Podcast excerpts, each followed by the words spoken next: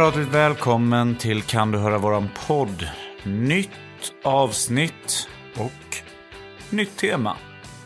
Vi ska prata om spelare i Blåvitt som har berört. Vi ska direkt ner nu till arkivet för att lyssna på John och Johan där de är väldigt benägna om att berätta om de spelarna som var idoler innan tiden då det fanns posters och eh, bildskärmar, hemskärmar eller vad man nu sätter sina, sina gullegrisar på. Är det något mer? Ja, bli medlem i supporterklubben Änglarna. Du behövs. Nu, ner till arkivet. Med Lasse Vibe-tröjan spännande över magen, öl med pannbandet på svaj och autografblocket stickande upp ur innerfickan hittar vi Johan Elisson Fallgrau. Hej! Hej! Hej, där sitter du med en syfilisdiagnos och en bortslipad gravsten. Ja, nu blir det mörkt. Nu blir det fruktansvärt mörkt. Det här är, kan man inte tro, men det här blir ett ganska mörkt arkivavsnitt som ska handla om Idoler. Idoler, popidoler. Eh, och jag skulle vilja börja det här avsnittet Johan med att läsa en dikt för dig, får jag det? Det får du, som vanligt. Mitt hjärta klappar blåvitt för laget och för dig. Jag blygsamt dig beundrar och många fler med mig. Jag drömde förr om hjältar på film och på estrad. Men nu jag läser hellre i pressens idrottsblad. Min kännedom om fotboll är annars ganska klen. Dock vet jag att den främste i denna sport är Gunnar Gren. Fint. Ja, visst är det. Det är alltså en kvinnlig beundrare som skriver till eh, Gunnar Gren under hans år i IFK Göteborg. Det är, jag tror att det är från 1944.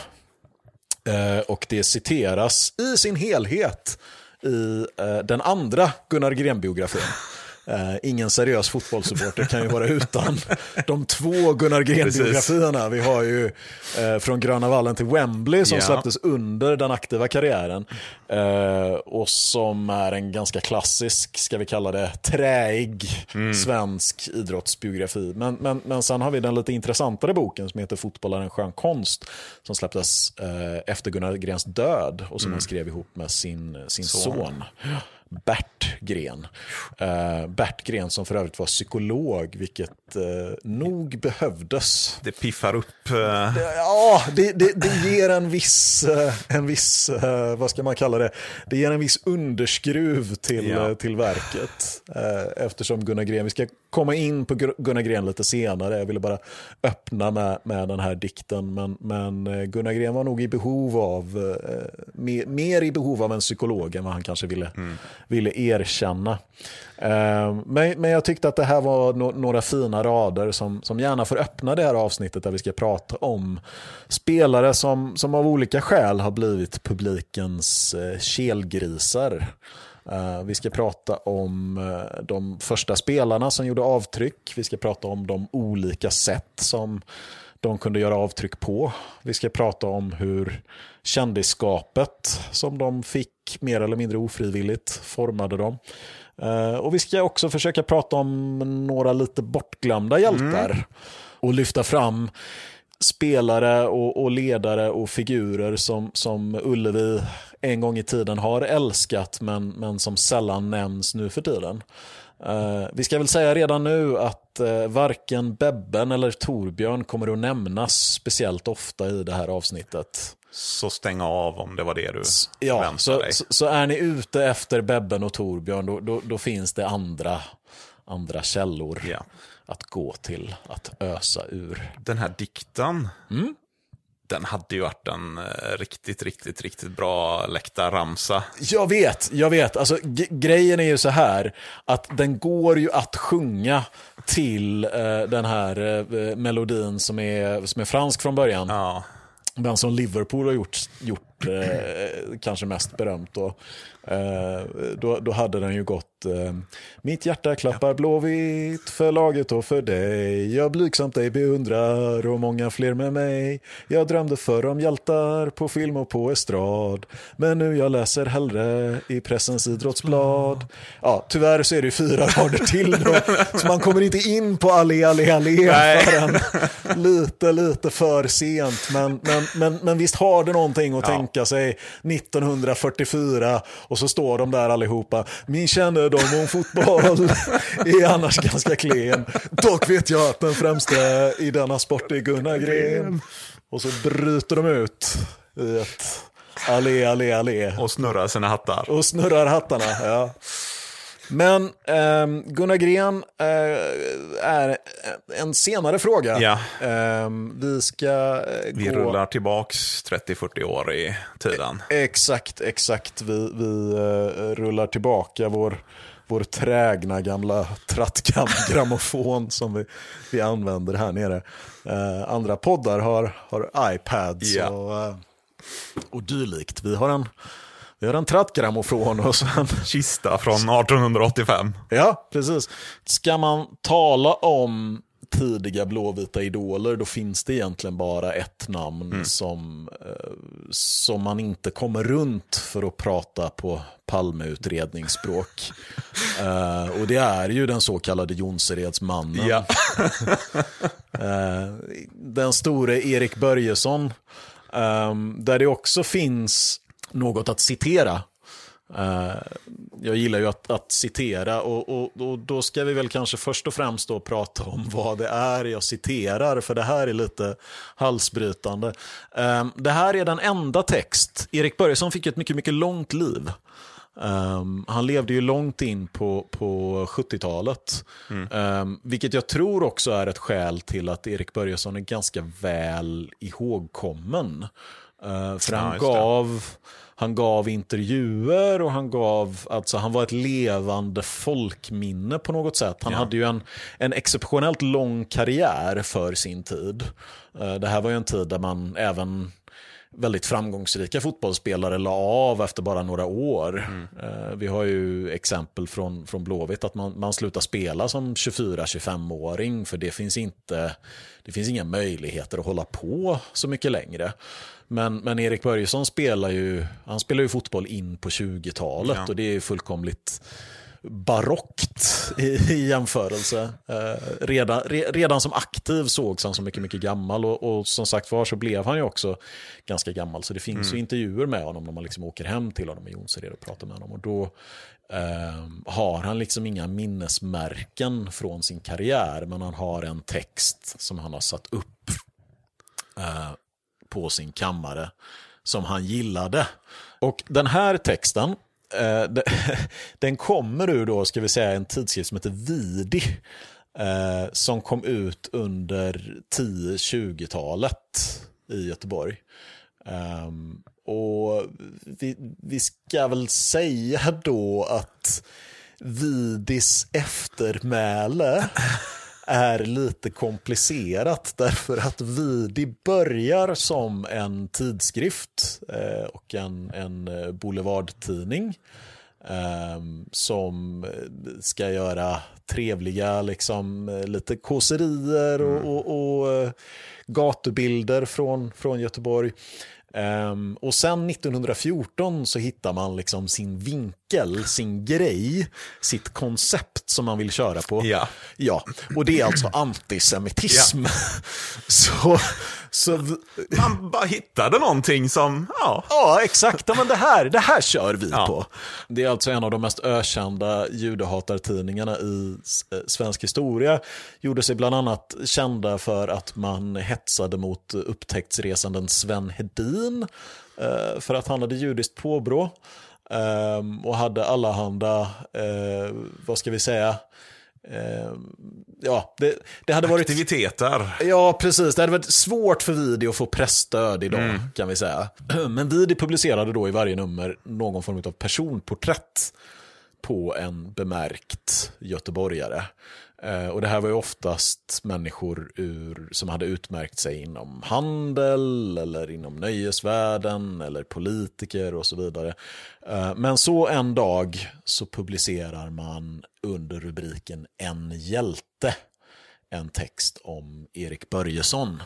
Eh, och säga vad man vill om, om Vidi och Vidis historia, men texten om Erik Börjesson är en, en fin ögonblicksbild av hur han uppfattades. Och då står det så här, jag ska inte läsa hela texten utan jag ska bara läsa eh, inledningen. Tack gode gud. Ja. det hade blivit ett fruktansvärt långt avsnitt annars. Eh, att vara en hjälte är något alldeles storartat. Att uträtta sällsynta bragder, att bli omtalad och berömd, att bli avundad och uppburen av män, älskad och avgudad av kvinnor. Allt detta följer med begreppet. Vem av oss skulle under sådana förhållanden inte gärna vilja vara en hjälte? Erik Börjesson är en hjälte. Han är Göteborgs store fotbollschampion. När han träder in på planen, iklädd sin blå och vita dräkt, stiger ett hänryckningens skri ur tusen sinom tusen kraftiga strupar. Börjesson! Erik Börjesson! Våran Börje! När han sedan med en kraftig och välmåttad spark förpassar bollen i nätet blir skriket till ett vrål. Och när spelet är slut och Börjesson hedrat sig framför alla andra tränges en upphetsad mångtusenhövdad skara vid spelplanens utgång för att hysta sin älskling, sin avgudade Erik Börjesson, sin ende underbara Börje. Men det är inte endast då han befinner sig på spelplanen som Erik Börjesson är en hjälte. Vart han kommer i staden följer honom som en skugga hans hjälteskap. Går han i Majornas avlägsnaste gränder vänder sig majgrabben om efter honom och önskar suckande att han vore som Erik Börjesson. Stegar han ut i Slottsskogen reser sig hagatöserna från gräsplanen där de legat i solskenet och följer efter honom på avstånd. Ack, han är gift, klagar de från varandra. Han har hustru och barn ute på Jonsered. Åh, den som vore hon. Den som bara fick vara hans barns lilla mamma. Det, ja, det här är, jag kan inte låta bli att tänka på en sak när jag läser den här typen av texter om Erik Börjesson. Som, vi vet ju som sagt var en hel, en hel del om Erik Börjesson. Vi vet att han var en ganska inbunden person. Mm.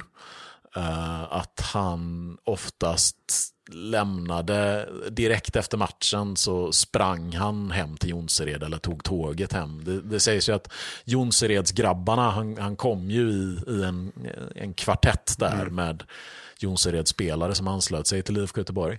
Uh, och det sägs att de var ju anledningen till att tåget började stanna i Jonsered. Uh, att järnvägsstationen byggdes på grund av dem. Nej, men att, att, att Erik Börjesson uppvuxen i ett, ett fattigmans-Sverige, i, i ett gammalt brukssamhälle med eh, en ganska eh, tvär och kantig personlighet och, och utan att ha utan att kunna relatera till kändisskap överhuvudtaget.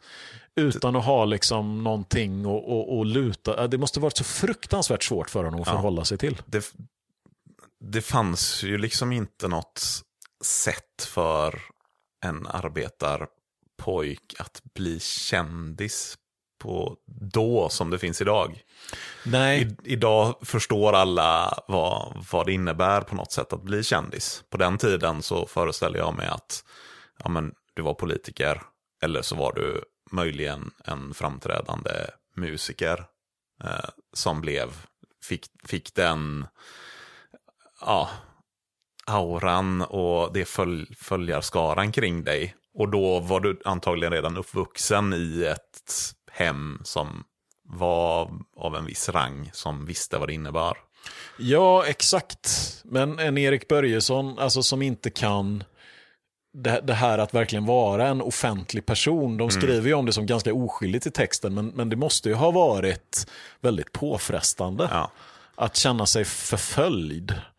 Uh, och han, han var ju också, det, det, vi vet om Erik Börjesson var att han, han, var ju medveten om sitt eget värde på det sättet mm. att han ofta använde sig av sin status för att förhandla sig till ersättning ja. uh, vid landskamper och liknande. Um, han gjorde ju också en, en övergång till ÖIS mitt i karriären där 1911 som blev omtalad. Mm. Men det var ju aldrig för något sorts kändisskaps, lyxlivs... Eh, Nej, han bodde ju kvar där ute på potatisåkern i Jonsered. Med, precis. hade svarvat av sig ett par fingrar Ja, som- på bruket. Och, Liten pojk bara. ja. Eh, hade ju också erbjudande om att, att gå till Liverpool eh, och bli proffs, eller vad vi nu kallar för proffs. Eh, som ju hade förändrat hans liv väldigt genomgripande i grunden, men, men väljer att stanna kvar i Sverige och i Göteborg. Ja, vad ska han göra i England? Han har ju Jonsered. Precis. Ungefär. Ja. var väl hans resonemang. Ja, kanske är det också det som gör att, att han knyter an väldigt tydligt till publiken. Eh, det, vi hör ju att det de skriker efter honom är våran Börje. Ja. Det finns ju den här liksom en av oss-aspekten Precis. eh, som, är, som kan vara jätteviktig. Det finns ju olika sätt att bli, att bli älskad och uppskattad på. Antingen så är du liksom en, en entertainer, en, en eh, eh, vass i repliken och glimten i ögat. Och, ja, men, en Bebben-figur Ja. så, som, som har det där självklara. Men är du som, som Erik Börjesson lite mer inbunden och, och lite eh, svårare och kanske röra dig som en eh, som en idol, då har du ju å andra sidan det här att du kommer ur, ur folkdjupet, Ja. så att säga. Du, du representerar någonstans den här arbetande Göteborgs befolkningen. ja. Och det där att, att spelare ska vara en av oss, det, det hänger ju med rätt länge. Det finns ju bilder i och med att Erik Börjesson blev 96 år gammal och dessutom är från Jonsered så finns det ju bilder på honom och Torbjörn tillsammans. Och det, det var ju också en grej i, liksom, i, i, Torbjörn, i bilden av Torbjörn. Ja. Var att han jobbade på SKF och att han var liksom en enkel grabb från Ja. Jonsered. Att han också kände som att han kom. Det går igen i en del av de största. Precis. Lite liknande spelartyp verkar de också ha varit. Erik Börjesson var känd som en, en stark dribblare, en, en genombrottsspelare. Eh, snabb och stark eh, och sköt hårt och gärna placerade skott. Eh, det sägs att han var... Hans specialitet var att skjuta lågt ner i ena hörnet. För det hade en engelsman sagt till honom var bra. Exakt.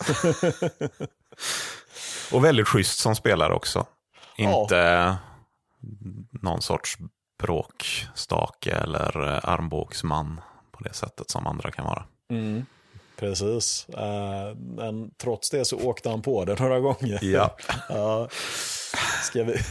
är det dags? Är det dags? Ja, det är dags. Petter, släpp lös svaveldimmorna. Tusen sinom tusen mörka fladdermöss lyfter från studion när han skrider in med bockhonan. Man undrar ju hur, hur Sandberg blev som han blev. Man Gustav Sandberg. Ja. Han, han spelar ju alltså eh, seriematcher med Erik Börjesson 1910. Han spelar väl till och med SM-final. Ja. Han, han, han är svensk 1910, när, när, det är också en sån där grej med Erik Börjesson, att han, han verkar ha haft sinne för att göra mål i viktiga matcher. Han gör otroligt mycket mål, alltså hans, hans målsnitt är, är magnifikt, men han gör också mål i, liksom, 1910 tror jag han gör några mål i, i finalen just mot Djurgården. Framspelad av Sandberg, jag tänker Ja. jag säker på. Men vid årsmötet det året så stängs ju Sandberg av från IFK Göteborg. Och redan nästa år, 1911, när de möts. Så ger Sandberg Erik Börjesson en riktig smäll. Ja, precis. Som blir ett av de här publikbråken som vi har, har pratat om i en tidigare säsong. Ehm, och, och jag tror inte att, även om Börjesson hade en schysst spelstil, så tror jag att han var lite, det, det, det finns en annan känd antagonist till Erik Börjesson och det var en, en, ehm, en AIK-are som hette Helge Ekroth. Ekis. Ekis, ja precis. För övrigt min favorit AIK genom tiderna. För att han, ja, men, han, spel, han, han kom packad till en Ja, ja. Det, går inte, det kan man inte argumentera Nej. med. Har man spelat full i svenska landslaget, då ska man ha sig en applåd. Men, men eh, det sades om de här två att de, de ansågs vara två av Sveriges främsta offensiva spelare. Um, men att det blev väldigt ineffektivt när de lirade för båda två. De, de, var, liksom, de var väldigt egna som ja. typer. De skulle ha mycket boll och de skulle liksom, så att det blev, uh, det blev kul men, men det blev inte så effektivt.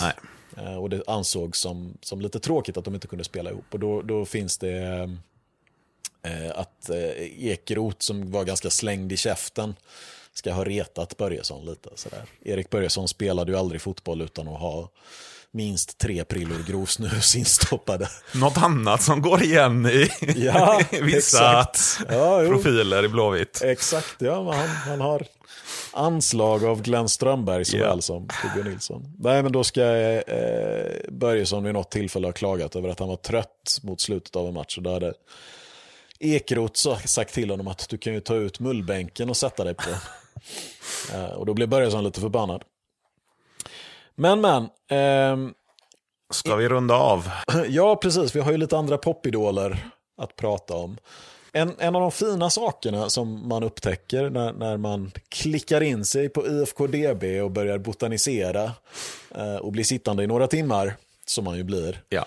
eh, det är eh, att man får en bild av kedjorna som löper genom historien. Mm. Hur den spelaren spelat med den spelaren som har spelat med den spelaren och så vidare. och så vidare. Jag vet att du och jag gillar ju att sitta med sånt här. Vi har gjort ja. en en spelarkedja som sträcker sig från, vad var det, från Tobias Hysén till Erik Börjesson. Ja, jag tror det. Med sju spelare som har mött varandra i matcher. Och då kom man hela Eller spelat. Vägen, eller spelat med varandra. Med varandra ja. Och då kom man liksom hela vägen från, från Tobias Hysén och, eh, och ner till, till Erik Börjesson mm. på bara sju spelare.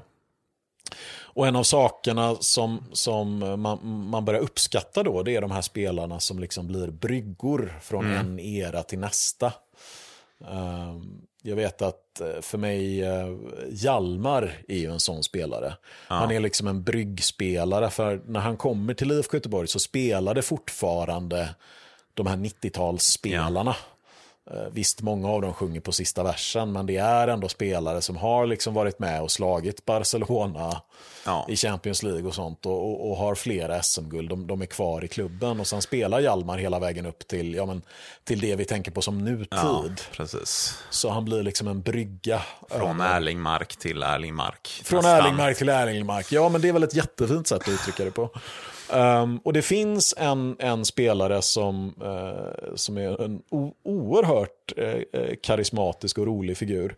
Uh, som blev väldigt, väldigt uppskattad och som är en av de första som, som jag skulle vilja säga ganska bortglömd idag.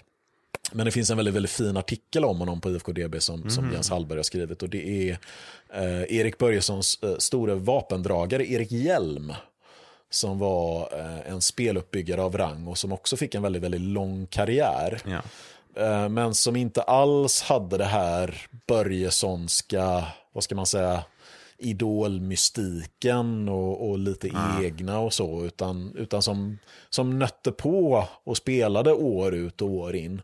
Um, och som gjorde det till sin grej just att, att serva um, storskyttarna med bollar. Mm. Um, och Erik Hjelm var, uh, var väldigt, väldigt populär. Uh, väldigt uppskattad i, i, i breda lager. Um, han var ju inte en av de här fyra Jonsereds pojkarna då, som, som uh, Börjesson var en del av när han anslöt till IFK Göteborg. Uh, det var ju Konrad Törnqvist, John Olsson och vem var den fjärde? Nu ställer du mig... Ställer dig mot väggen? Ja. ja. Lindorf Andersson. Såklart. Ja, ja, precis. Ja, de kan vi ju alla fyra. The Fab Four. Uh, Vet, vet, vet du varför de, eh, eh, de gick med i Blåvitt förresten?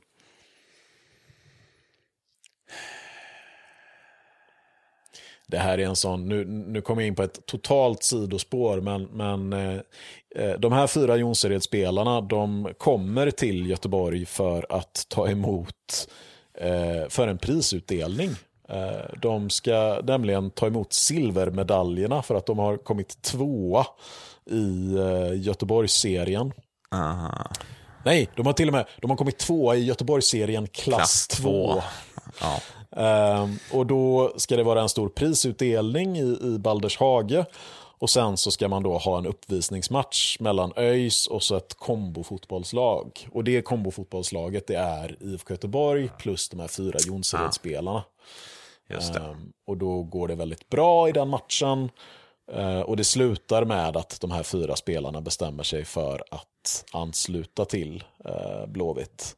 Ehm, och det leder då sedan till IFK Göteborgs första storhetstid. Då. Man vinner ju SM-guld redan året efter och det är mycket tack vare Jonsereds killarna.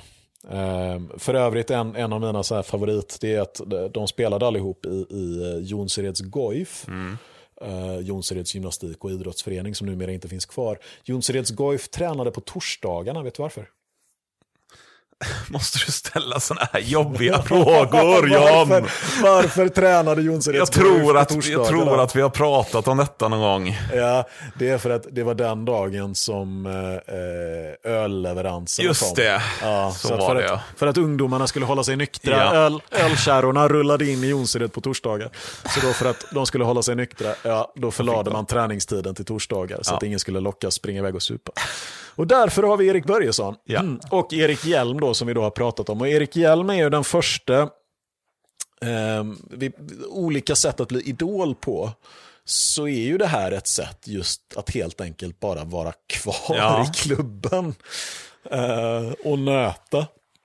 Precis. För då skapar du dels så, så ger du publiken en chans att bygga en relation till dig. Dels så uppfattas du som Trogen och Ja, men frågan... du tänker på något annat. Ja, precis. Alltså trogen tror jag är mer en faktor nu under senare tid. Ja, Medan jag tror att på den här tiden, jag vet inte om det var så att liksom Erik Hjelm Erik Hjelm, jag tror, jag tror inte det här med att gå som bossman, nej det kanske... det, det var liksom inte... Alla gick som bossman på den tiden. Ja, exakt. Nej, er, Erik Hjelm var inte så aktuell att, att gå som bossman någonsin. Han kom faktiskt upp i över 400 A-lagsmatcher för IFK Göteborg och det, det är rätt bra. På den tiden när man inte spelade 40-50 matcher per säsong Nej, men heller kanske. precis. Eh, han, han var verkligen, och, och, och då ska man veta det att det, det är inte som att han var så här, om, om, om du ska vara långlivad som fotbollsspelare så, så, ska du ju gärna sådär klara dig utan eh, Skador, skador och och... sånt. Det, det, det gjorde inte Erik Hjelm. Det var inte hans kännetecken. Nej, jävlar vad han åker på det. Alltså. Stackarn, alltså. Ja, herregud. De skriver ju i princip hans dödsruna i, i medlemstidningen 1918, eller i alla fall en dödsruna över hans karriär. För att det är liksom, han, eh, han får spanska sjukan, eh, han blir av med ena ögat för att eh, när, han, när han ligger på en bänk på, sin, på kugghjulsfabriken där han jobbar, då ramlar en fönsterskärva Ja. ner i ögat på honom så han blir, liksom, han blir blind på ena ögat. Man, man kan prata om skära gurka-olyckor i nutid, men Ja. jag vet inte om hjälm slår, slår det mesta på Ja, fingrarna precis. med vad han råkar ut för. Ett, ett trasigt fönster på kugghjulsfabriken där jag, där jag ligger jobbar. och vilar. Ja. Ehm, han, nej, han är en, en olycksfågel av rang, men som sagt var, hänger i, eh, spelar länge och väl. Ja. Eh, och är också en av de här eh, fåtalet som eh, vinner guld både som spelare och som tränare.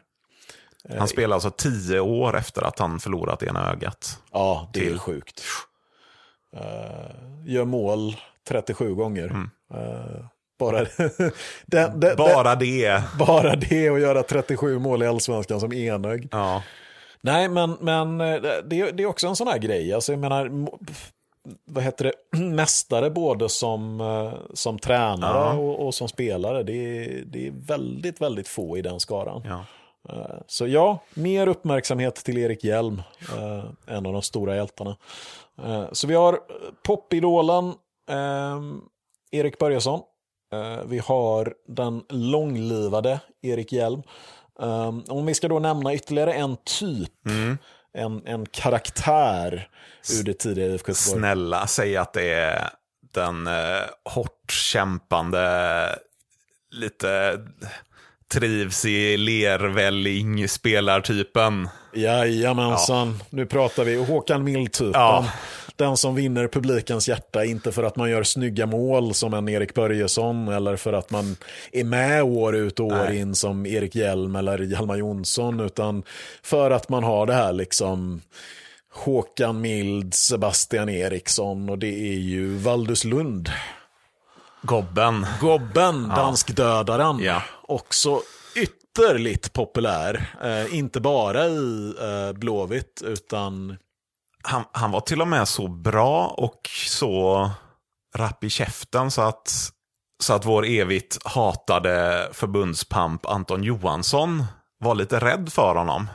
Just det. Det var ju så att eh, efter landskamper när, när Anton Johansson var förbundspamp så fick man gå in och, och förhandla om liksom, ja, men ersättning. Mm. Eh, och det var ju något som nästan alla var rädda för. Men eh, Gobben han gillade det där och kom ut igen och sa att ja, men han eh, betalade för en eh, ny kostym den här gången.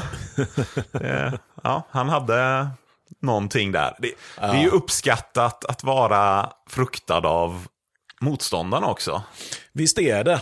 Alltså man gillar ju verkligen när man har en spelare som, som eh, man vet att eh, motståndarna kommer att bua åt. Ja.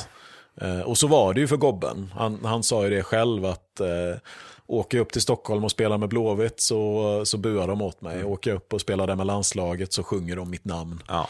Och eh. åker man till Köpenhamn och spelar mot Danmark så hatar de en där Precis. också. Han har ju också det här i sig, eh, eh, Gobben, som, som, som, man också, som också är en väldigt viktig aspekt. Det här att han, han ser inte ut som någon som är bra på fotboll. Eller han, han har en väldigt tydlig så här, han, eh, han, var, ju, han var ju kortvuxen. Ja. Eh, vilket ledde till då att, att motståndarnas anfallare ofta underskattade honom.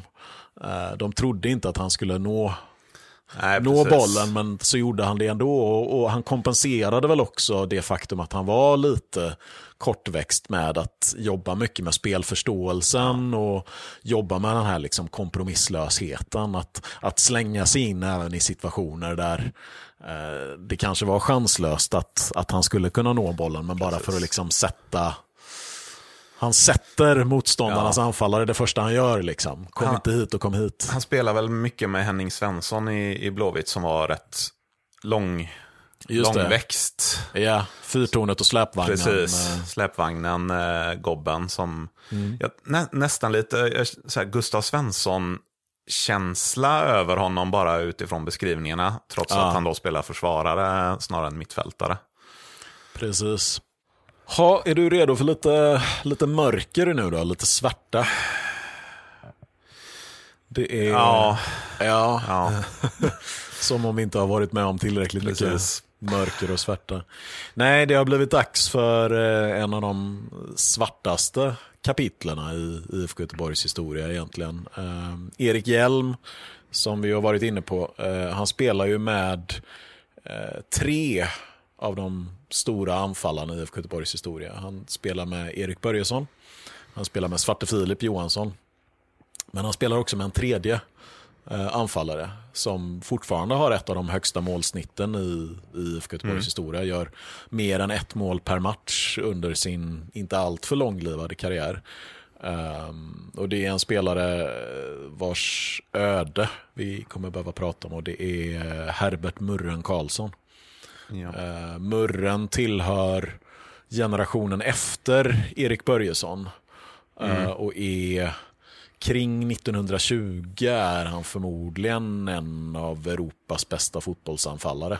Ja. Uh, han är fruktansvärt begåvad. Uh, Skytteliga vinst i OS 1920 bland annat. Just det, precis. Så han presterar på absolut högsta internationell nivå. Uh, och även i IFK Göteborg gör han fruktansvärt, fruktansvärda mängder mål. Men Murren är, alltså om Erik Börjesson är tvär och inbunden mm. så är Murren i princip stum. Uh, och det det talar man om. Alltså C.V. Linde skriver om Murren att han har fruktansvärt svårt med den sociala biten. Ja. Uh, han är en enstöring. Sm smeknamnet. Smeknamnet precis, det kommer av att han, han aldrig säger någonting och när han väl pratar så, så mumlar han. Ja. Ehm, Alternativt en anspelning på Tyste Murre i Fredmans epistlar. se där ja. ja. Nu, nu vet jag att du läser högt, för referensen Fredmans epistlar kommer inte naturligt till dig. den, den ligger inte i bakhuvudet. Hos mig däremot. Ja. Jag har en och annan som jag kan dra. Ehm, ja, och eh, inte bara det att han var liksom tyst och sluten, för att det får man ändå lov att vara. Men han verkade överlag ha problem och han hade problem med sig själv helt enkelt. Han hade svårt att få ett fast jobb. Eh, han hade svårt med de dagliga rutinerna. Han verkade rent allmänt vantrivas. Han blev aldrig gift. Ehm, Det finns eh, en eh, person som heter Reine Jonsson eh, som har skrivit om, om, om Murren och som har pratat om att om Murren hade levt idag hade han förmodligen fått en autismdiagnos. Eh, Men det fanns inget, alltså 1920 fanns det inget sätt att liksom Diagnostisera. Nej, eh, och Murren var ändå, eh, jag menar om man tittar på, han, han fungerade ändå Ja. i vissa sammanhang. Återigen, han, han hade sin fotbollsbegåvning som, som tog honom väldigt långt. Ja. Eh, han gör mål i SM-finalen 1918, eh, två mål eh, mot Helsingborg. Den här matchen som vi har pratat om tidigare där CV är så sur för Ja. Blåvitt och Helsingborg måste spela i Stockholm för det Anton Johansson bestämt. Ehm, han spelar i landslaget. Sen börjar det väl gå ut för. Jag vet att han är avstängd från spel eh, i perioder. ehm, på grund av bland annat vad som verkar ha varit ett tilltagande missbruk. Ehm, och att han också rör sig bland, bland människor på, på samhällets skuggsida. Eh, han är inlagd på sanatorium i perioder. Eh, 1922 så eh, emigrerar han. Utan att säga till någon. Ja, exakt. Det är Det, också det är lite också där. talande. Väldigt mycket representativt Ja. för, för Murren. Eh, att det, är, det är för övrigt Valderslund som, som ser honom stående på relingen för eh, Amerikabåten och inser att vad i helvete, det är ju för fan... Det är, ju- Det är min lagkompis. ja, exakt. Jaha. Ja. Mattias Bjärsmyr kommer gående en, en vårdag och noterar att jaha, där står, eh, vad heter han, eh, Marcus Berg. Det funkar ju inte riktigt idag. på när, när, om man ser någon som går på en eh, lyxkryssning eller står på Landvetter och väntar på plan. För man vet ju att de kommer tillbaks. ja, det, det gjorde man ju inte i det här fallet. Murren är i Amerika ett tag. Eh, han eh, spelar periodvis eh, med framgång i amerikanska lag. Vi har också pratat om den amerikanska eh, Turnén. 1900-talsfotbollen i, i den här podden. Han vinner faktiskt eh, guld i USA. Eh, Murren grävde guld i USA. Eh, vinner American Soccer League 1932. Men tyvärr så har han ju inte förutsättningarna att klara livet där borta utan kommer hem till Göteborg mer eller mindre en bruten människa. Då har han haft det struligt. Ehm, han har även fått syfilis ehm, genom en, en livsstil som verkar ha varit allt annat än bra. Eh, han kommer hem, ställer upp faktiskt eh, 1936 eh, tillsammans med veteranlaget och spelar en uppvisningsmatch. Um, men det är förmodligen sista gången han spelar fotboll därför att bara ett år senare så läggs Murren in på Lillhagen. Syfilis som man försöker mildra med kvicksilver. Ja, försök inte mildra syfilis med Nej. kvicksilver ni där ute. Det, om ni inte känner till det, så The Mad Hatter i Alice i Underlandet är ju utifrån att hattmakaren ofta använder kvicksilver i tillverkningen av hattar. Så är det. Murren dör på Lillhagen i början på 50-talet. Uh, han har då varit inlagd i ganska många år. Uh, han är bara 56, uh, men han är svårt nedbruten. Länge så stod hans gravsten kvar på Västra kyrkogården. Men eftersom det inte fanns någon familj och eftersom föreningen IFK Göteborg heller inte har gjort några större försök att. Hålla murren, murrens minne levande så slipades gravstenen om eh, och är nu borta för alltid.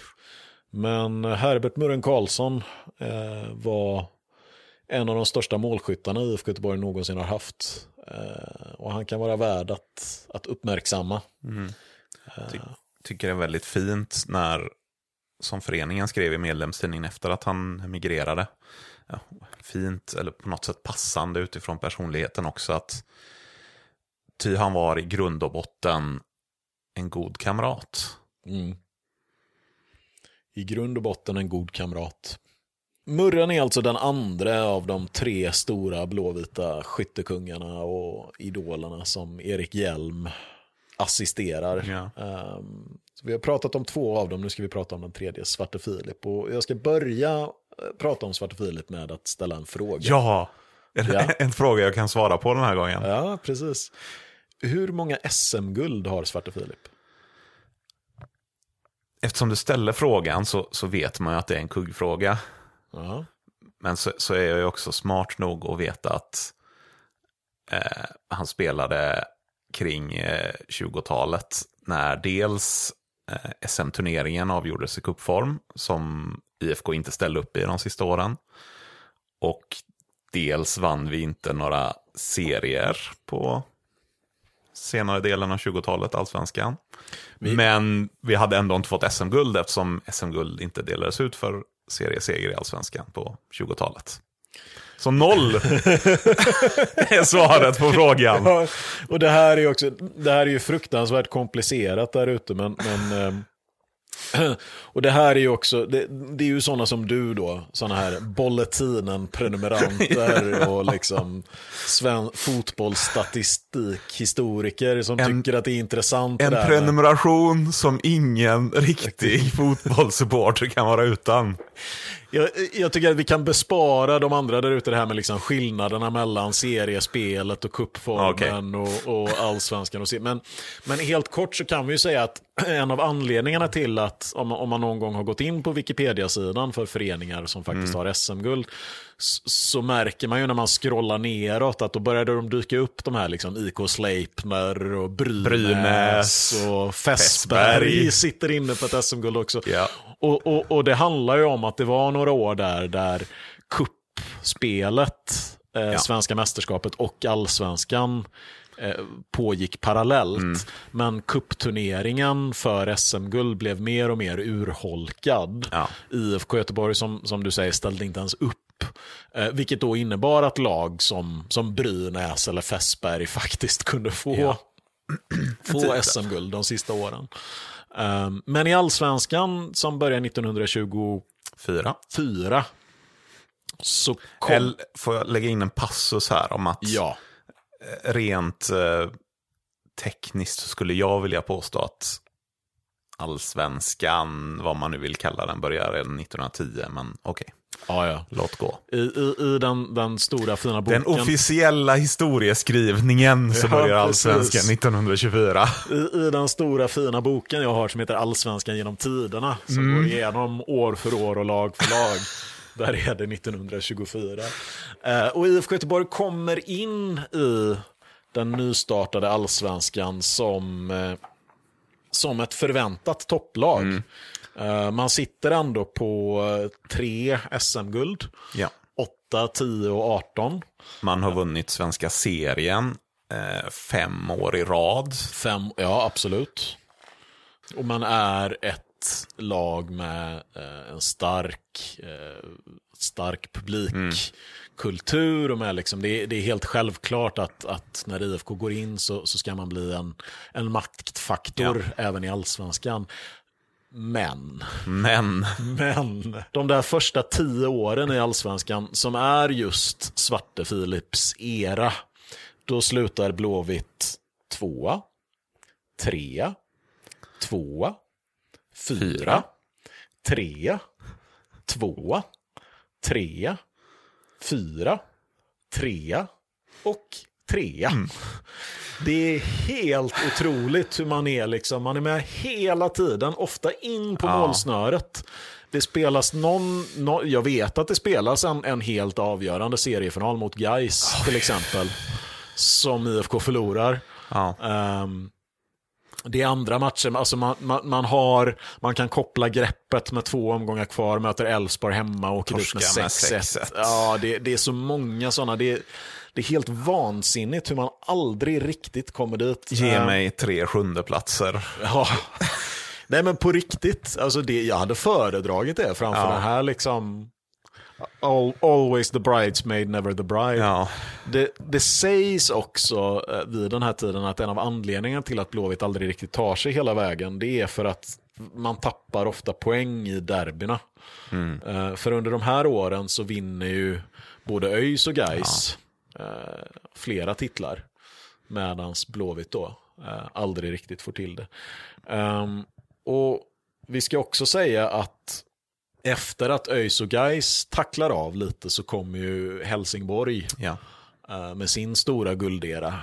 eh, som vi har också varit inne på lite tidigare. Mm. Med John Bill Pettersson och så. Eh, och dominerar och gör det ännu svårare för Blåvitt att bryta sig in. Men det är alltså i den här eran som Svarte Filip är verksam. Jag skulle vilja dra en parallell till, till eh, Lasse Vibe. Som ju heller aldrig fick vinna SM-guld med IFK Göteborg. Och vars främsta kännetecken är den här magiska säsongen där han verkar kunna göra hur mycket mål som helst. Ja. Svarte Filip är ju fortfarande mest känd för sin 39-målssäsong. Um, det är också en sån, hur många gånger vann Svarte Filip skytteligan? En, för det här vet jag. Exakt. Men det, det är också en sån grej. Han, han, är liksom, han, han, har ett sånt, Ja. han har en sån aura av liksom den stora målskytten och att han alltid... Men, men faktum är att han vinner bara skytteligan Ja. en gång. För resten av, resten av tiden som han spelar så är det eh, Harry Lundahl, Helsingborgs IF. Ja. Som är svensk fotbolls stora skyttekung och, och, och som vinner skytteligan i stor stil år ut och Ja. år in. Och Filip är strax där bakom. Han är två eller trea liksom. Absolut, han gör sina mål. Inte 39 det. hit wonder, 39 hit wonder, ja exakt. lite grann. Det är ju också någonting med Svarte Filip i att han var, om man, om man läser som, som, som du och jag gör, att man läser lite äldre fotbollsjournalistik. Från 60-70 upp till, skulle jag vilja säga, 80-tal. Så är Svarte Filip en mycket vanligare referens och mycket tydligare referens. Det är han inte riktigt längre. Eh, han har mest blivit ett namn. Eh, vilket jag tror beror på att han är lite för tidig. Det finns inte mycket rörliga bilder på honom. Nej. Och det är också så att den generationen som såg honom spela är borta nu. Ja. Det, han är ingen självklar referens för någon. Eh, som fortfarande, skulle jag säga, Bebben och Fölet är exempelvis. Nej, precis. Eller en långlivad Erik Börjesson. Den långlivade Erik Börjesson. Ja, som det också har skrivits mycket om Ja. utifrån att han var, eh, han var med vid svensk fotbolls födelse. Ja. Eh, och han, av, det, av, av det skälet så var han intressant för en nationell fotbollspress. Ja. Så det skrevs mycket om honom. Han förekommer i tv, tidningar och radio. Han är liksom, som, över 90 är han liksom med och snackar. Men, men Svarte Filip, när det inte längre fanns någon som hade sett honom spela fotboll, då finns det inte så mycket kvar för oss att, att titta på, utan det blir de här statistikraderna. Liksom. Ja, jag, jag, jag kan ärligt säga att jag tror aldrig jag tidigare sett en bild på Svarte Filip förrän jag nu för, inför det här avsnittet kollade på IFKDB och såg hur, hur han såg ut. Ja. Erik Börjesson har man sett skisser och fotografier på tidigare. och liksom skulle känna igen. Men, men Svarte Filip hade jag ens aldrig haft en mental bild kring, precis som du säger. Det, han är ett namn. Mm. Han är ju en spelare som eh, faktiskt har vunnit ett guld. Eh, för Fässberg. För Fässberg, ja exakt. Ska vi flika in där då, de lila färgade Fässberg som ju myglades bort från allsvenskan. Ja. Kanske var därför han gick till Blåvitt. Ja, förmodligen. Upprörda känslor i Mölndal. Men någonstans så är ju Filip ändå med liksom den, den svarta kalufsen och de 39 målen och uh, det här liksom storyn att han sköt ihjäl en målvakt som ju inte är sann men, men som ändå har berättats. Jag menar, Harry Lundahl, fine, men, men vem pratar om Harry Lundahl idag? Nej. Det är ju inte Harry Lundahl, alltså om folk... Jag tror ändå att skulle du säga namnet Svarte Filip Johansson så är det ju långt fler som känner igen Ja. det än som känner igen Harry Lundahl. Därför att Svarte Filip är något mer än en fotbollsspelare. Det finns något mytiskt. Ja, absolut. Och, och, och vi pratade om att, att det har urholkats, att referensen är sådär. Men, men faktum är att vi har ju faktiskt en spelare i laget som har ett smeknamn Ja. som är en referens till Svarte Filip, nämligen Marcus Berg. Även om Svarte Marcus aldrig riktigt satte sig som smeknamn faktiskt. Tycker jag var lite tråkigt. Precis. Men han hade väl en liten kvalitet av det här med snacket också, Svarte Filip. Det, det finns någon historia när de ska möta AIK och Perra Ka- Kaufelt eh, står på andra sidan eh, vid, vid avspark. Och Svarte Filip frågar, eh, vad, vad, ni har ju ingen boll med er. Och, och Perra Kaufelt sva, svarar i sin tur, ja men den ligger ju där på mittpunkten. Och, och Svarte Filip drar till med att nej, det, den där är inte eran, den ska Hjelm och jag spela med. Eh, Så, lite så göteborgskt. Ja. Och, eh, Den är lite svag. Den är två, två, två plus. Två plus. nej, den är ju... Den- Okej, den, den är ett och ett halvt plus. Jag lägger till ett halvt plus för att den nämner hjälm. Okej, jag köper inte den betygssättningen, men... Och för att gå in lite mer på mm, vad vi pratade om tidigare med långlivade spelare så spelar ju eh, Svarte Filip en del med, med Gunnar Rydberg. Ja. Ehm, och det finns ju ett par namn i IFK som har gjort extremt många säsonger. Eh, pratar vi nutid så, så kanske vi pratar Hjalmar Jonsson, men, men pratar vi dåtid så, så pratar vi namn som eh, Gunnar och, och Anders Rydberg som gjorde 15-16 säsonger vardera. Och då är de knappt topp 10 i, i listan över vilka som gjort flest säsonger. Ja. Um, kollar man internationellt så, och i modern tid så, så finns det ju liksom urexemplar om man ser de stora spelarna som Paolo Maldini och Totti. Verkligen one club, men de representerade Milan och Roma i 25 säsonger vardera. Ehm, men också liksom modern tid när man kan spela A-lagsfotboll från 18 till 43. Ja. Ehm, om man kollar i, i Sverige och, och Danmark och Norge som har en lite annan eh, andra förutsättningar också med spelare blir värvade utomlands om de är tillräckligt bra. Så är uppemot 20 säsonger är någon sorts rekord. Liksom. Vi har, vi har eh, några i svensk fotboll som gjort 20 säsonger och i Göteborg så tror jag och då pratar jag Göteborg som stad, inte IFK Göteborg, för då säger man IFK Göteborg. Eh, så är faktiskt, eh, jag tror Kristoffer Källqvist som är eh, bäst med 19 säsonger i Häcken. Ja. Men i IFK så är just eh, Arne Nyberg den som har gjort flest med 18. Men vi har också Ernst Andersson som eh, har gjort eh, 16 säsonger. Och sen har vi Gobben som gjorde se- 16 säsonger med. Som, och Erik Hjelm 16 säsonger. Ehm, Det finns ju ett litet kluster. Det är lite kul när man kollar, Ja. kollar på de här spelarna som, som eh, som har gjort flest år i Blåvitt så, så, så ser man ju att det finns ett litet kluster av spelare som också spelade mycket matcher ihop. Eh, Det är några spelare där som är på topp 10-listan allihop och det är Anders och Gunnar Rydberg. Det är Arne Nyberg som du har nämnt. Eh, Det är Ernst Andersson var ett- ett annat namn som ofta förekommer som väl idag är helt bortglömd. Men jag vet att du har en... Ja, Det, det, det är dags att välkomna in en annan av poddens gamla bekanta nämligen. Gusten från kusten. Åh, släpp Ja. in honom. Släpp in Gusten från kusten för han har något att säga. Ja, Gustav från kusten som eh, vi pratade om för länge sedan. Men eh, han var ju en eh, kåsör i eh, Göteborgstidningen. Eh, på eh, sent 40, början 50-tal. Skrev eh, dialektalt. Men, just i det här sammanhanget så är det intressant att ja, man kan läsa hur, många av hans kåserier som helst. Och de flesta av dem avslutas med att han berättar om sin kompis Oscar. Och om Oscar har gjort någonting eller inte. Som, som i det här exemplet att han berättar att Oscar han har inte haft slips på sig sedan den dagen kamraterna åkte ur serien. För då hade han svart slips i tre dagar. Eh, Men varje gång han nämner Oscar så lägger han också in passusen. Det är han som är kompis med Ernst Andersson. Ah. Och det där är ju också en liten fingervisning om att någon har gjort någon form av avtryck. Ja. Eller liksom så att han förekommer, att han blir en referenspunkt. Precis. En sorts, att det blir någonting som all, alla vet vad det är. Att någon Ja. känner Ernst Andersson, men det är han som liksom... Han var någon sorts fast punkt i Blåvitt Ja. på den här tiden.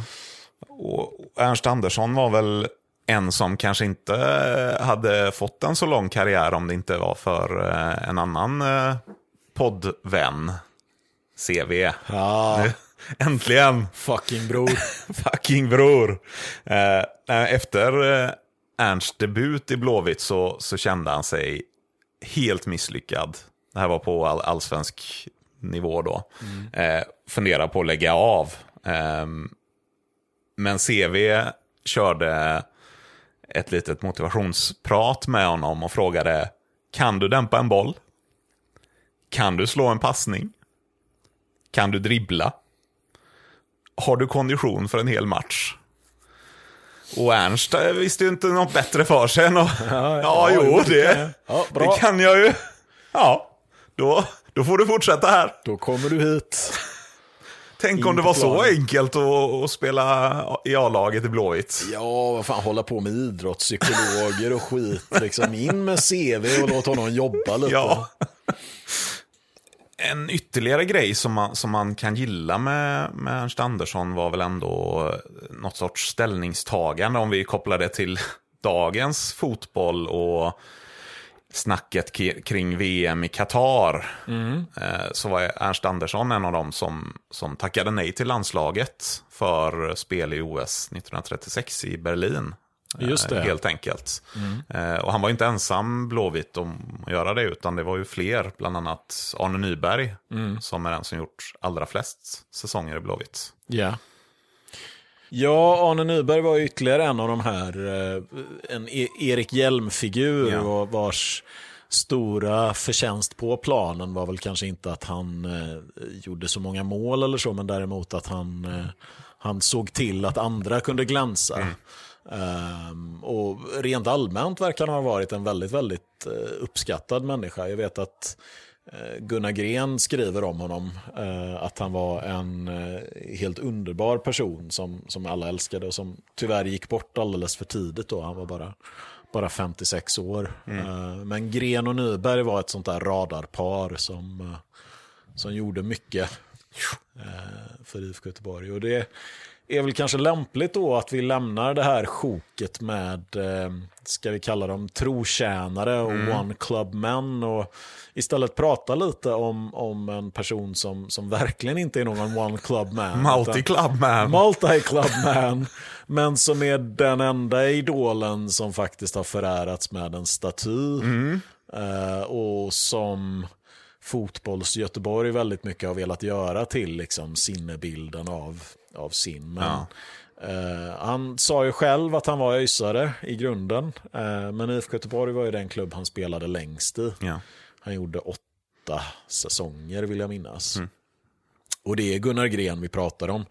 Gunnar Gren som fotbollsspelare kanske vi inte behöver gå in på sådär jättemycket. Kahn var ett, ett geni och, och, gjorde väldigt mycket mål för IFK Göteborg. Men, men det som är intressant med Gunnar Gren det är ju, vi, vi pratade när vi pratade om Erik Börjesson, det här tuff, det tuffa i att förhålla sig mm. till att bli dyrkad till att bli uppskattad, till att bli påpassad. Ja. Och, och, och, Gunnar Gren verkar ha tampats med demoner, kanske inte i samma utsträckning som Herbert Murren Karlsson, mm. men, men han var absolut en människa som, som plågades ganska svårt av det här. Eh, han skriver i, i eh, sin självbiografi att eh, eh, han, han tänker och grubblar väldigt mycket. Ehm, att han hela tiden ifrågasätter sig själv, att han hoppas att det går bra, att jag har gjort det riktigt. Eh, att han blir rädd för att lägga sig och sova. Att han mm. inte kan koppla av när han ska sova utan att han liksom plågas av sömnlöshet. Och det finns, finns vittnesmål från Gunnar Grens stora stund, är ju VM 58. Ja. Det är ju liksom på hemmaplan, han är 37 år gammal och ska liksom leda laget och vara en centralfigur och lägga upp spelet. Och, eh, killen som han delar rum med då på hotellen har beskrivit hur han liksom kan vakna mitt i natten och då sitter Gunnar Gren på sin säng där med liksom huvudet i händerna ja. och, och, och, suckar och, och vrider sig och, och känner som en sån enorm press. Och Han hade också ett väldigt, väldigt kluvet förhållande till det här. Att han inte kunde röra sig fritt utan att bli liksom antastad av folk och att han hade svårt att att frigöra sig från den här identiteten. Mm. Att det var, framförallt de sista åren när han var, som, som jag förstår det, dels, dels blev ganska bitter, att han kände att man inte hade uppskattat honom tillräckligt och, och, och dels att han hade problem med hälsan och, mm. och, att han då liksom hängde i den här identiteten som il professore, som den store fotbollsspelaren. Ja. Uh, det måste varit tufft att som, som gren då antagligen är rätt, som du säger, tänkande och grubblande person som säkert också tar på sig känslor från alla andra runt omkring mm. fotbollen. Det, fin det, finns en eh, passage eh, i, i boken om svenska proffs från hans tid i, i Milan. Eh, där han be själv beskriver då att jag hörde aldrig ett hårt ord, varken från lagledningen eller någon tifosi. Men jag glömmer aldrig hur tysta och sorgsna större delen av de 65 000 åskådarna var när de med tunga steg lämnade San Siro. Jag tror att det känns bättre om de varit förbannade och inte bara så oåterkalleligt ledsna. Många som bar vår flagga hade placerat den på halvstång. Jag tog med mig de här scenerna i drömmen och den natten vaknade jag av att jag grät.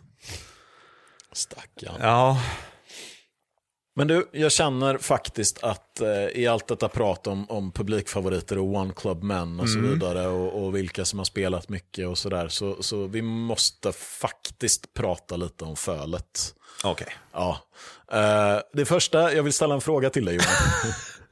Noll. Nej, Fölets moderklubb är Lundby IF. Ja. Han har också representerat IFK Göteborg. Han har spelat för ytterligare två klubbar, vilka? Det är alltså inte svenska klubbar.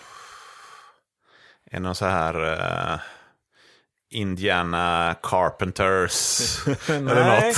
nej, nej. Jag, jag, jag, skulle säga så här. Du känner till båda klubbarna. Fölet. Nej, den går jag bet på. All right. Första. Det är Barrytown i Wales.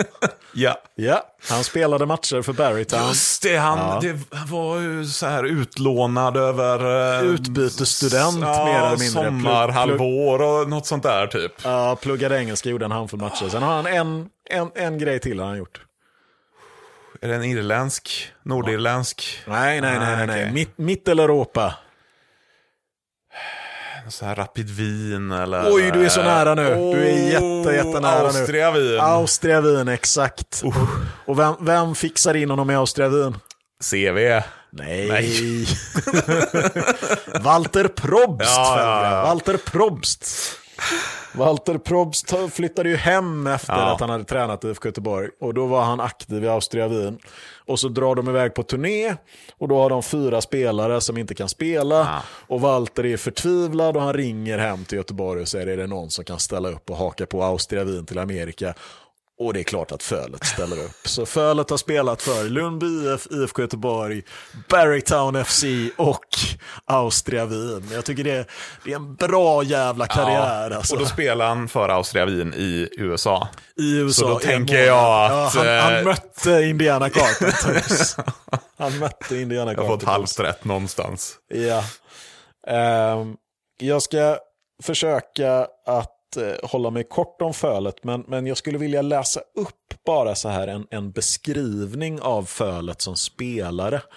Uh, han spelade ju fruktansvärt länge i IFK Göteborg, uh, var ohyggligt populär, uh, även om han alltid lite har varit, han har ju liksom varit namnet man nämner efter Bebben. Ja, Bebben och Fölet. Fölet. 17 säsonger för övrigt. 17 säsonger, exakt. Men Fölet är i sin egen rätt en, en underbar spelare. Och vi- har en fin, fin beskrivning av Fölet som fotbollsspelare. Den kommer från Idrottsbladet. Den är skriven 1958. Och eh, det är signaturen Edvard som skriver så här. Eh, när man första gången hörde smeknamnet Fölet och såg den spelare som bar det tyckte man att det passade precis till uppenbarelse och spelstil. Det är visserligen en rejäl vuxen kar, men hans rörelser är ändå för stora för kroppen.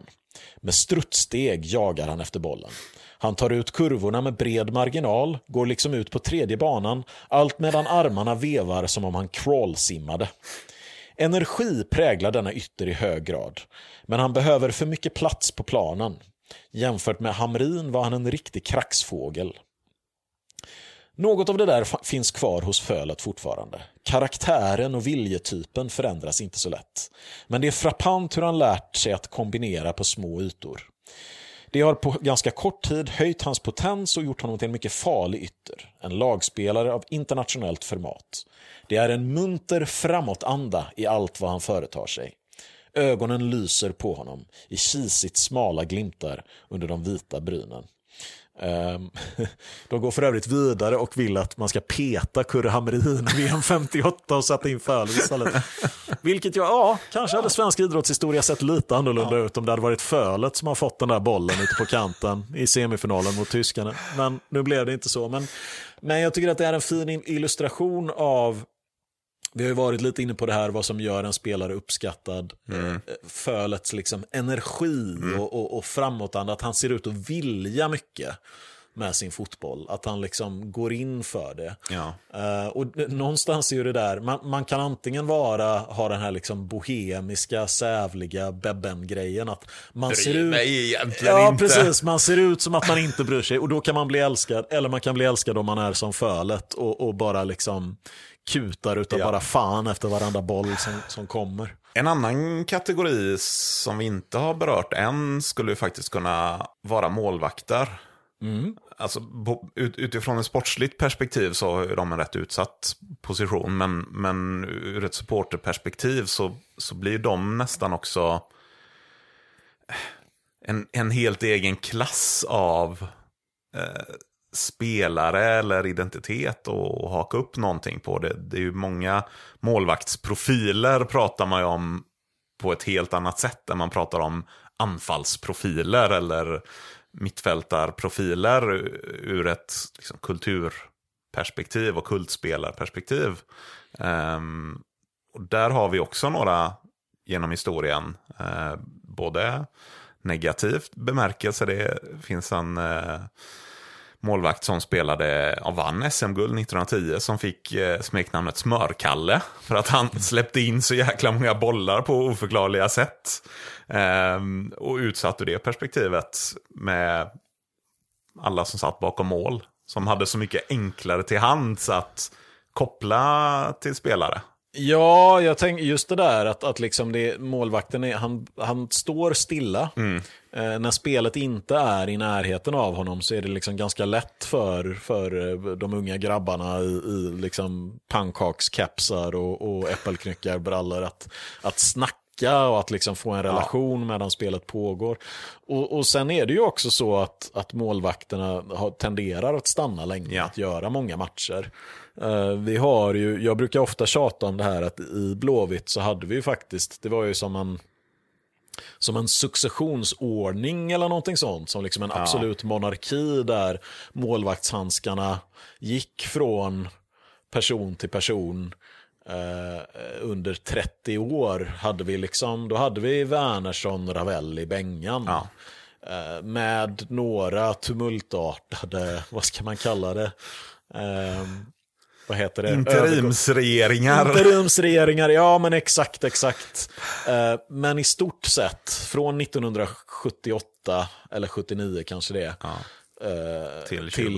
till 2007. så är det tre personer ja. som står i IFK Göteborgs mål. Och hur många målvakter har vi haft sedan 2007 nu på 14 år? Liksom? Det är Kristensen. 12 eller något? Ja, men du vet, det är, fan, det är Kristensen och det är Anestis och det är Sandberg och det är Dalin och det är Alvbåge. Och det, och det, det, där har ju också urholkats ja. på ett sätt. Och det är lite synd för att eh, man är ju svag för målvakter. Ja. Och som du säger, de kan vara stora personligheter och det är också ofta en, eh, en position som är lätt att knyta an. Där har vi ju två som är värda att, att nämna lite extra. Mm. Eh, Henry Andersson. Um. Henry som ligger, som har, som har den oerhörda oturen att han spelar fantastiskt mycket matcher och han spelar under en era där det görs ohyggligt mycket mål. Ja. Så han, har, han, han är en legendarisk målvakt i IFK Göteborg. Han har, ett, han har ett insläppta målsnitt som, är, som man blir mörkrädd av. Ja. Jag tror att han eh, gjorde 18 säsonger också, så han är också i, i topp på den ligan med, med många spelare säsonger. Tillsammans mm. med den andra, eh, Anders Ryberg. Just det. Som vi redan har nämnt. Mm. Anders var ju eh, också en, en stor profil ja. och, mycket känd, älskad och uppskattad. Men, men som också är en sån där spelare som, som har försvunnit ur, ur rullorna på något sätt. Uh, men som ändå sitter på ett par SM-guld och, och som var med nästan hela vägen in på 40-talet va? Ja, ja. precis. Och då började han i A-laget, eller juniorlaget 1917. Så, ja. Det är helt sinnes, alltså.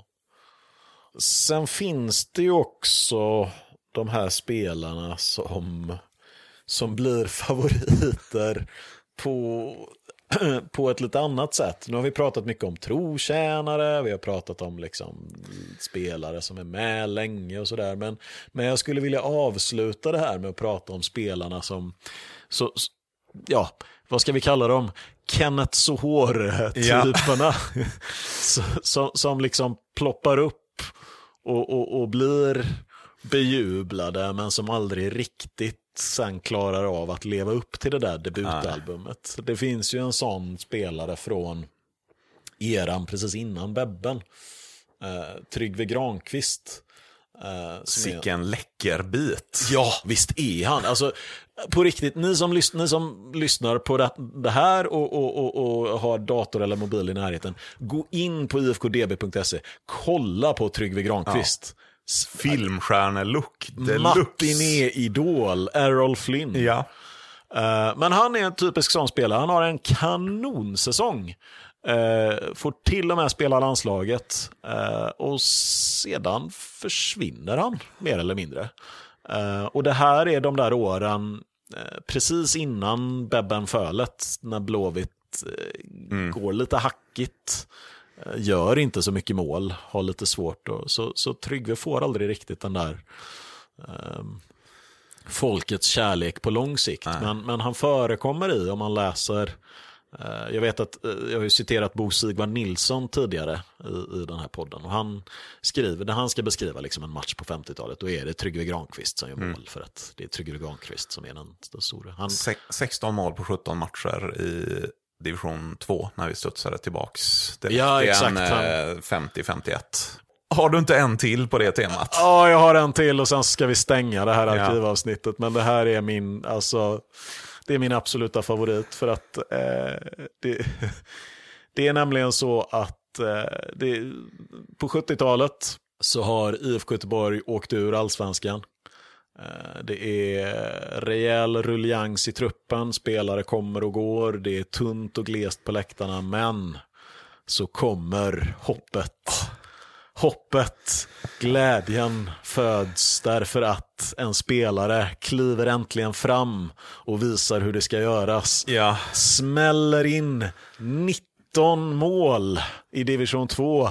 Är den klart lysande offensiva stjärnan. Han ska bära laget på sina axlar. Han heter Perra Eriksson. Välkommen in i podden! Välkommen in i podden Perra Eriksson. God bless you. Det här är alltså året innan. Ja. Ja, så gör Perra Eriksson 19 mål för IFK Göteborg och måste ju någonstans ha trott när vi, när vi pratade inför det här avsnittet så var den självklara referensen är ju Tony Flygare. Ja. Han, han som också borde ha blivit något. Men, men han, gör alltså, han gör 19 mål i division 2. Han måste ändå ha känt att det här är liksom, Nu. jag är, I'm about to Ja. happen. Det är champagnefotboll på gång. Det är jag som kommer att Alla kollar på Blåvitt Ja. och jag gör alla mål. 1982 är det jag som ska springa mig fri på Folkparkstadion och rulla in 2-0. Perra Eriksson driver in i straffområdet och skjuter. I mål! I mål! Det visste du. Nej. Ja, det visste jag. Ja. Nej, och det, och det där är ju så, så, eh, så ljuvligt någonstans. Jag vet inte om per, Perra finns ju säkert kvar där ute och, och, och han är värd all respekt för sina insatser i IFK Göteborg. Men, men, men det är också lite underbart när man blickar tillbaka och vet att man vet aldrig vad som, vad som väntar där framme. Just nu så, så är det Per Eriksson som är den stora, men bara nästa år så kommer det en ung anfallsspelare till Blåvitt Ja. som ju egentligen förkroppsligar allt det här som vi har pratat om. Han är någonstans, han är både popidol och sportsligt framgångsrik. Han är en av folket, men han är också mytisk, nästan mystisk. Ja. Får ju smeknamnet Gud. Eh, ja, vi pratar ju såklart om Ullevi-publikens största idol genom tiderna, to bio Nilsson. To Nilsson.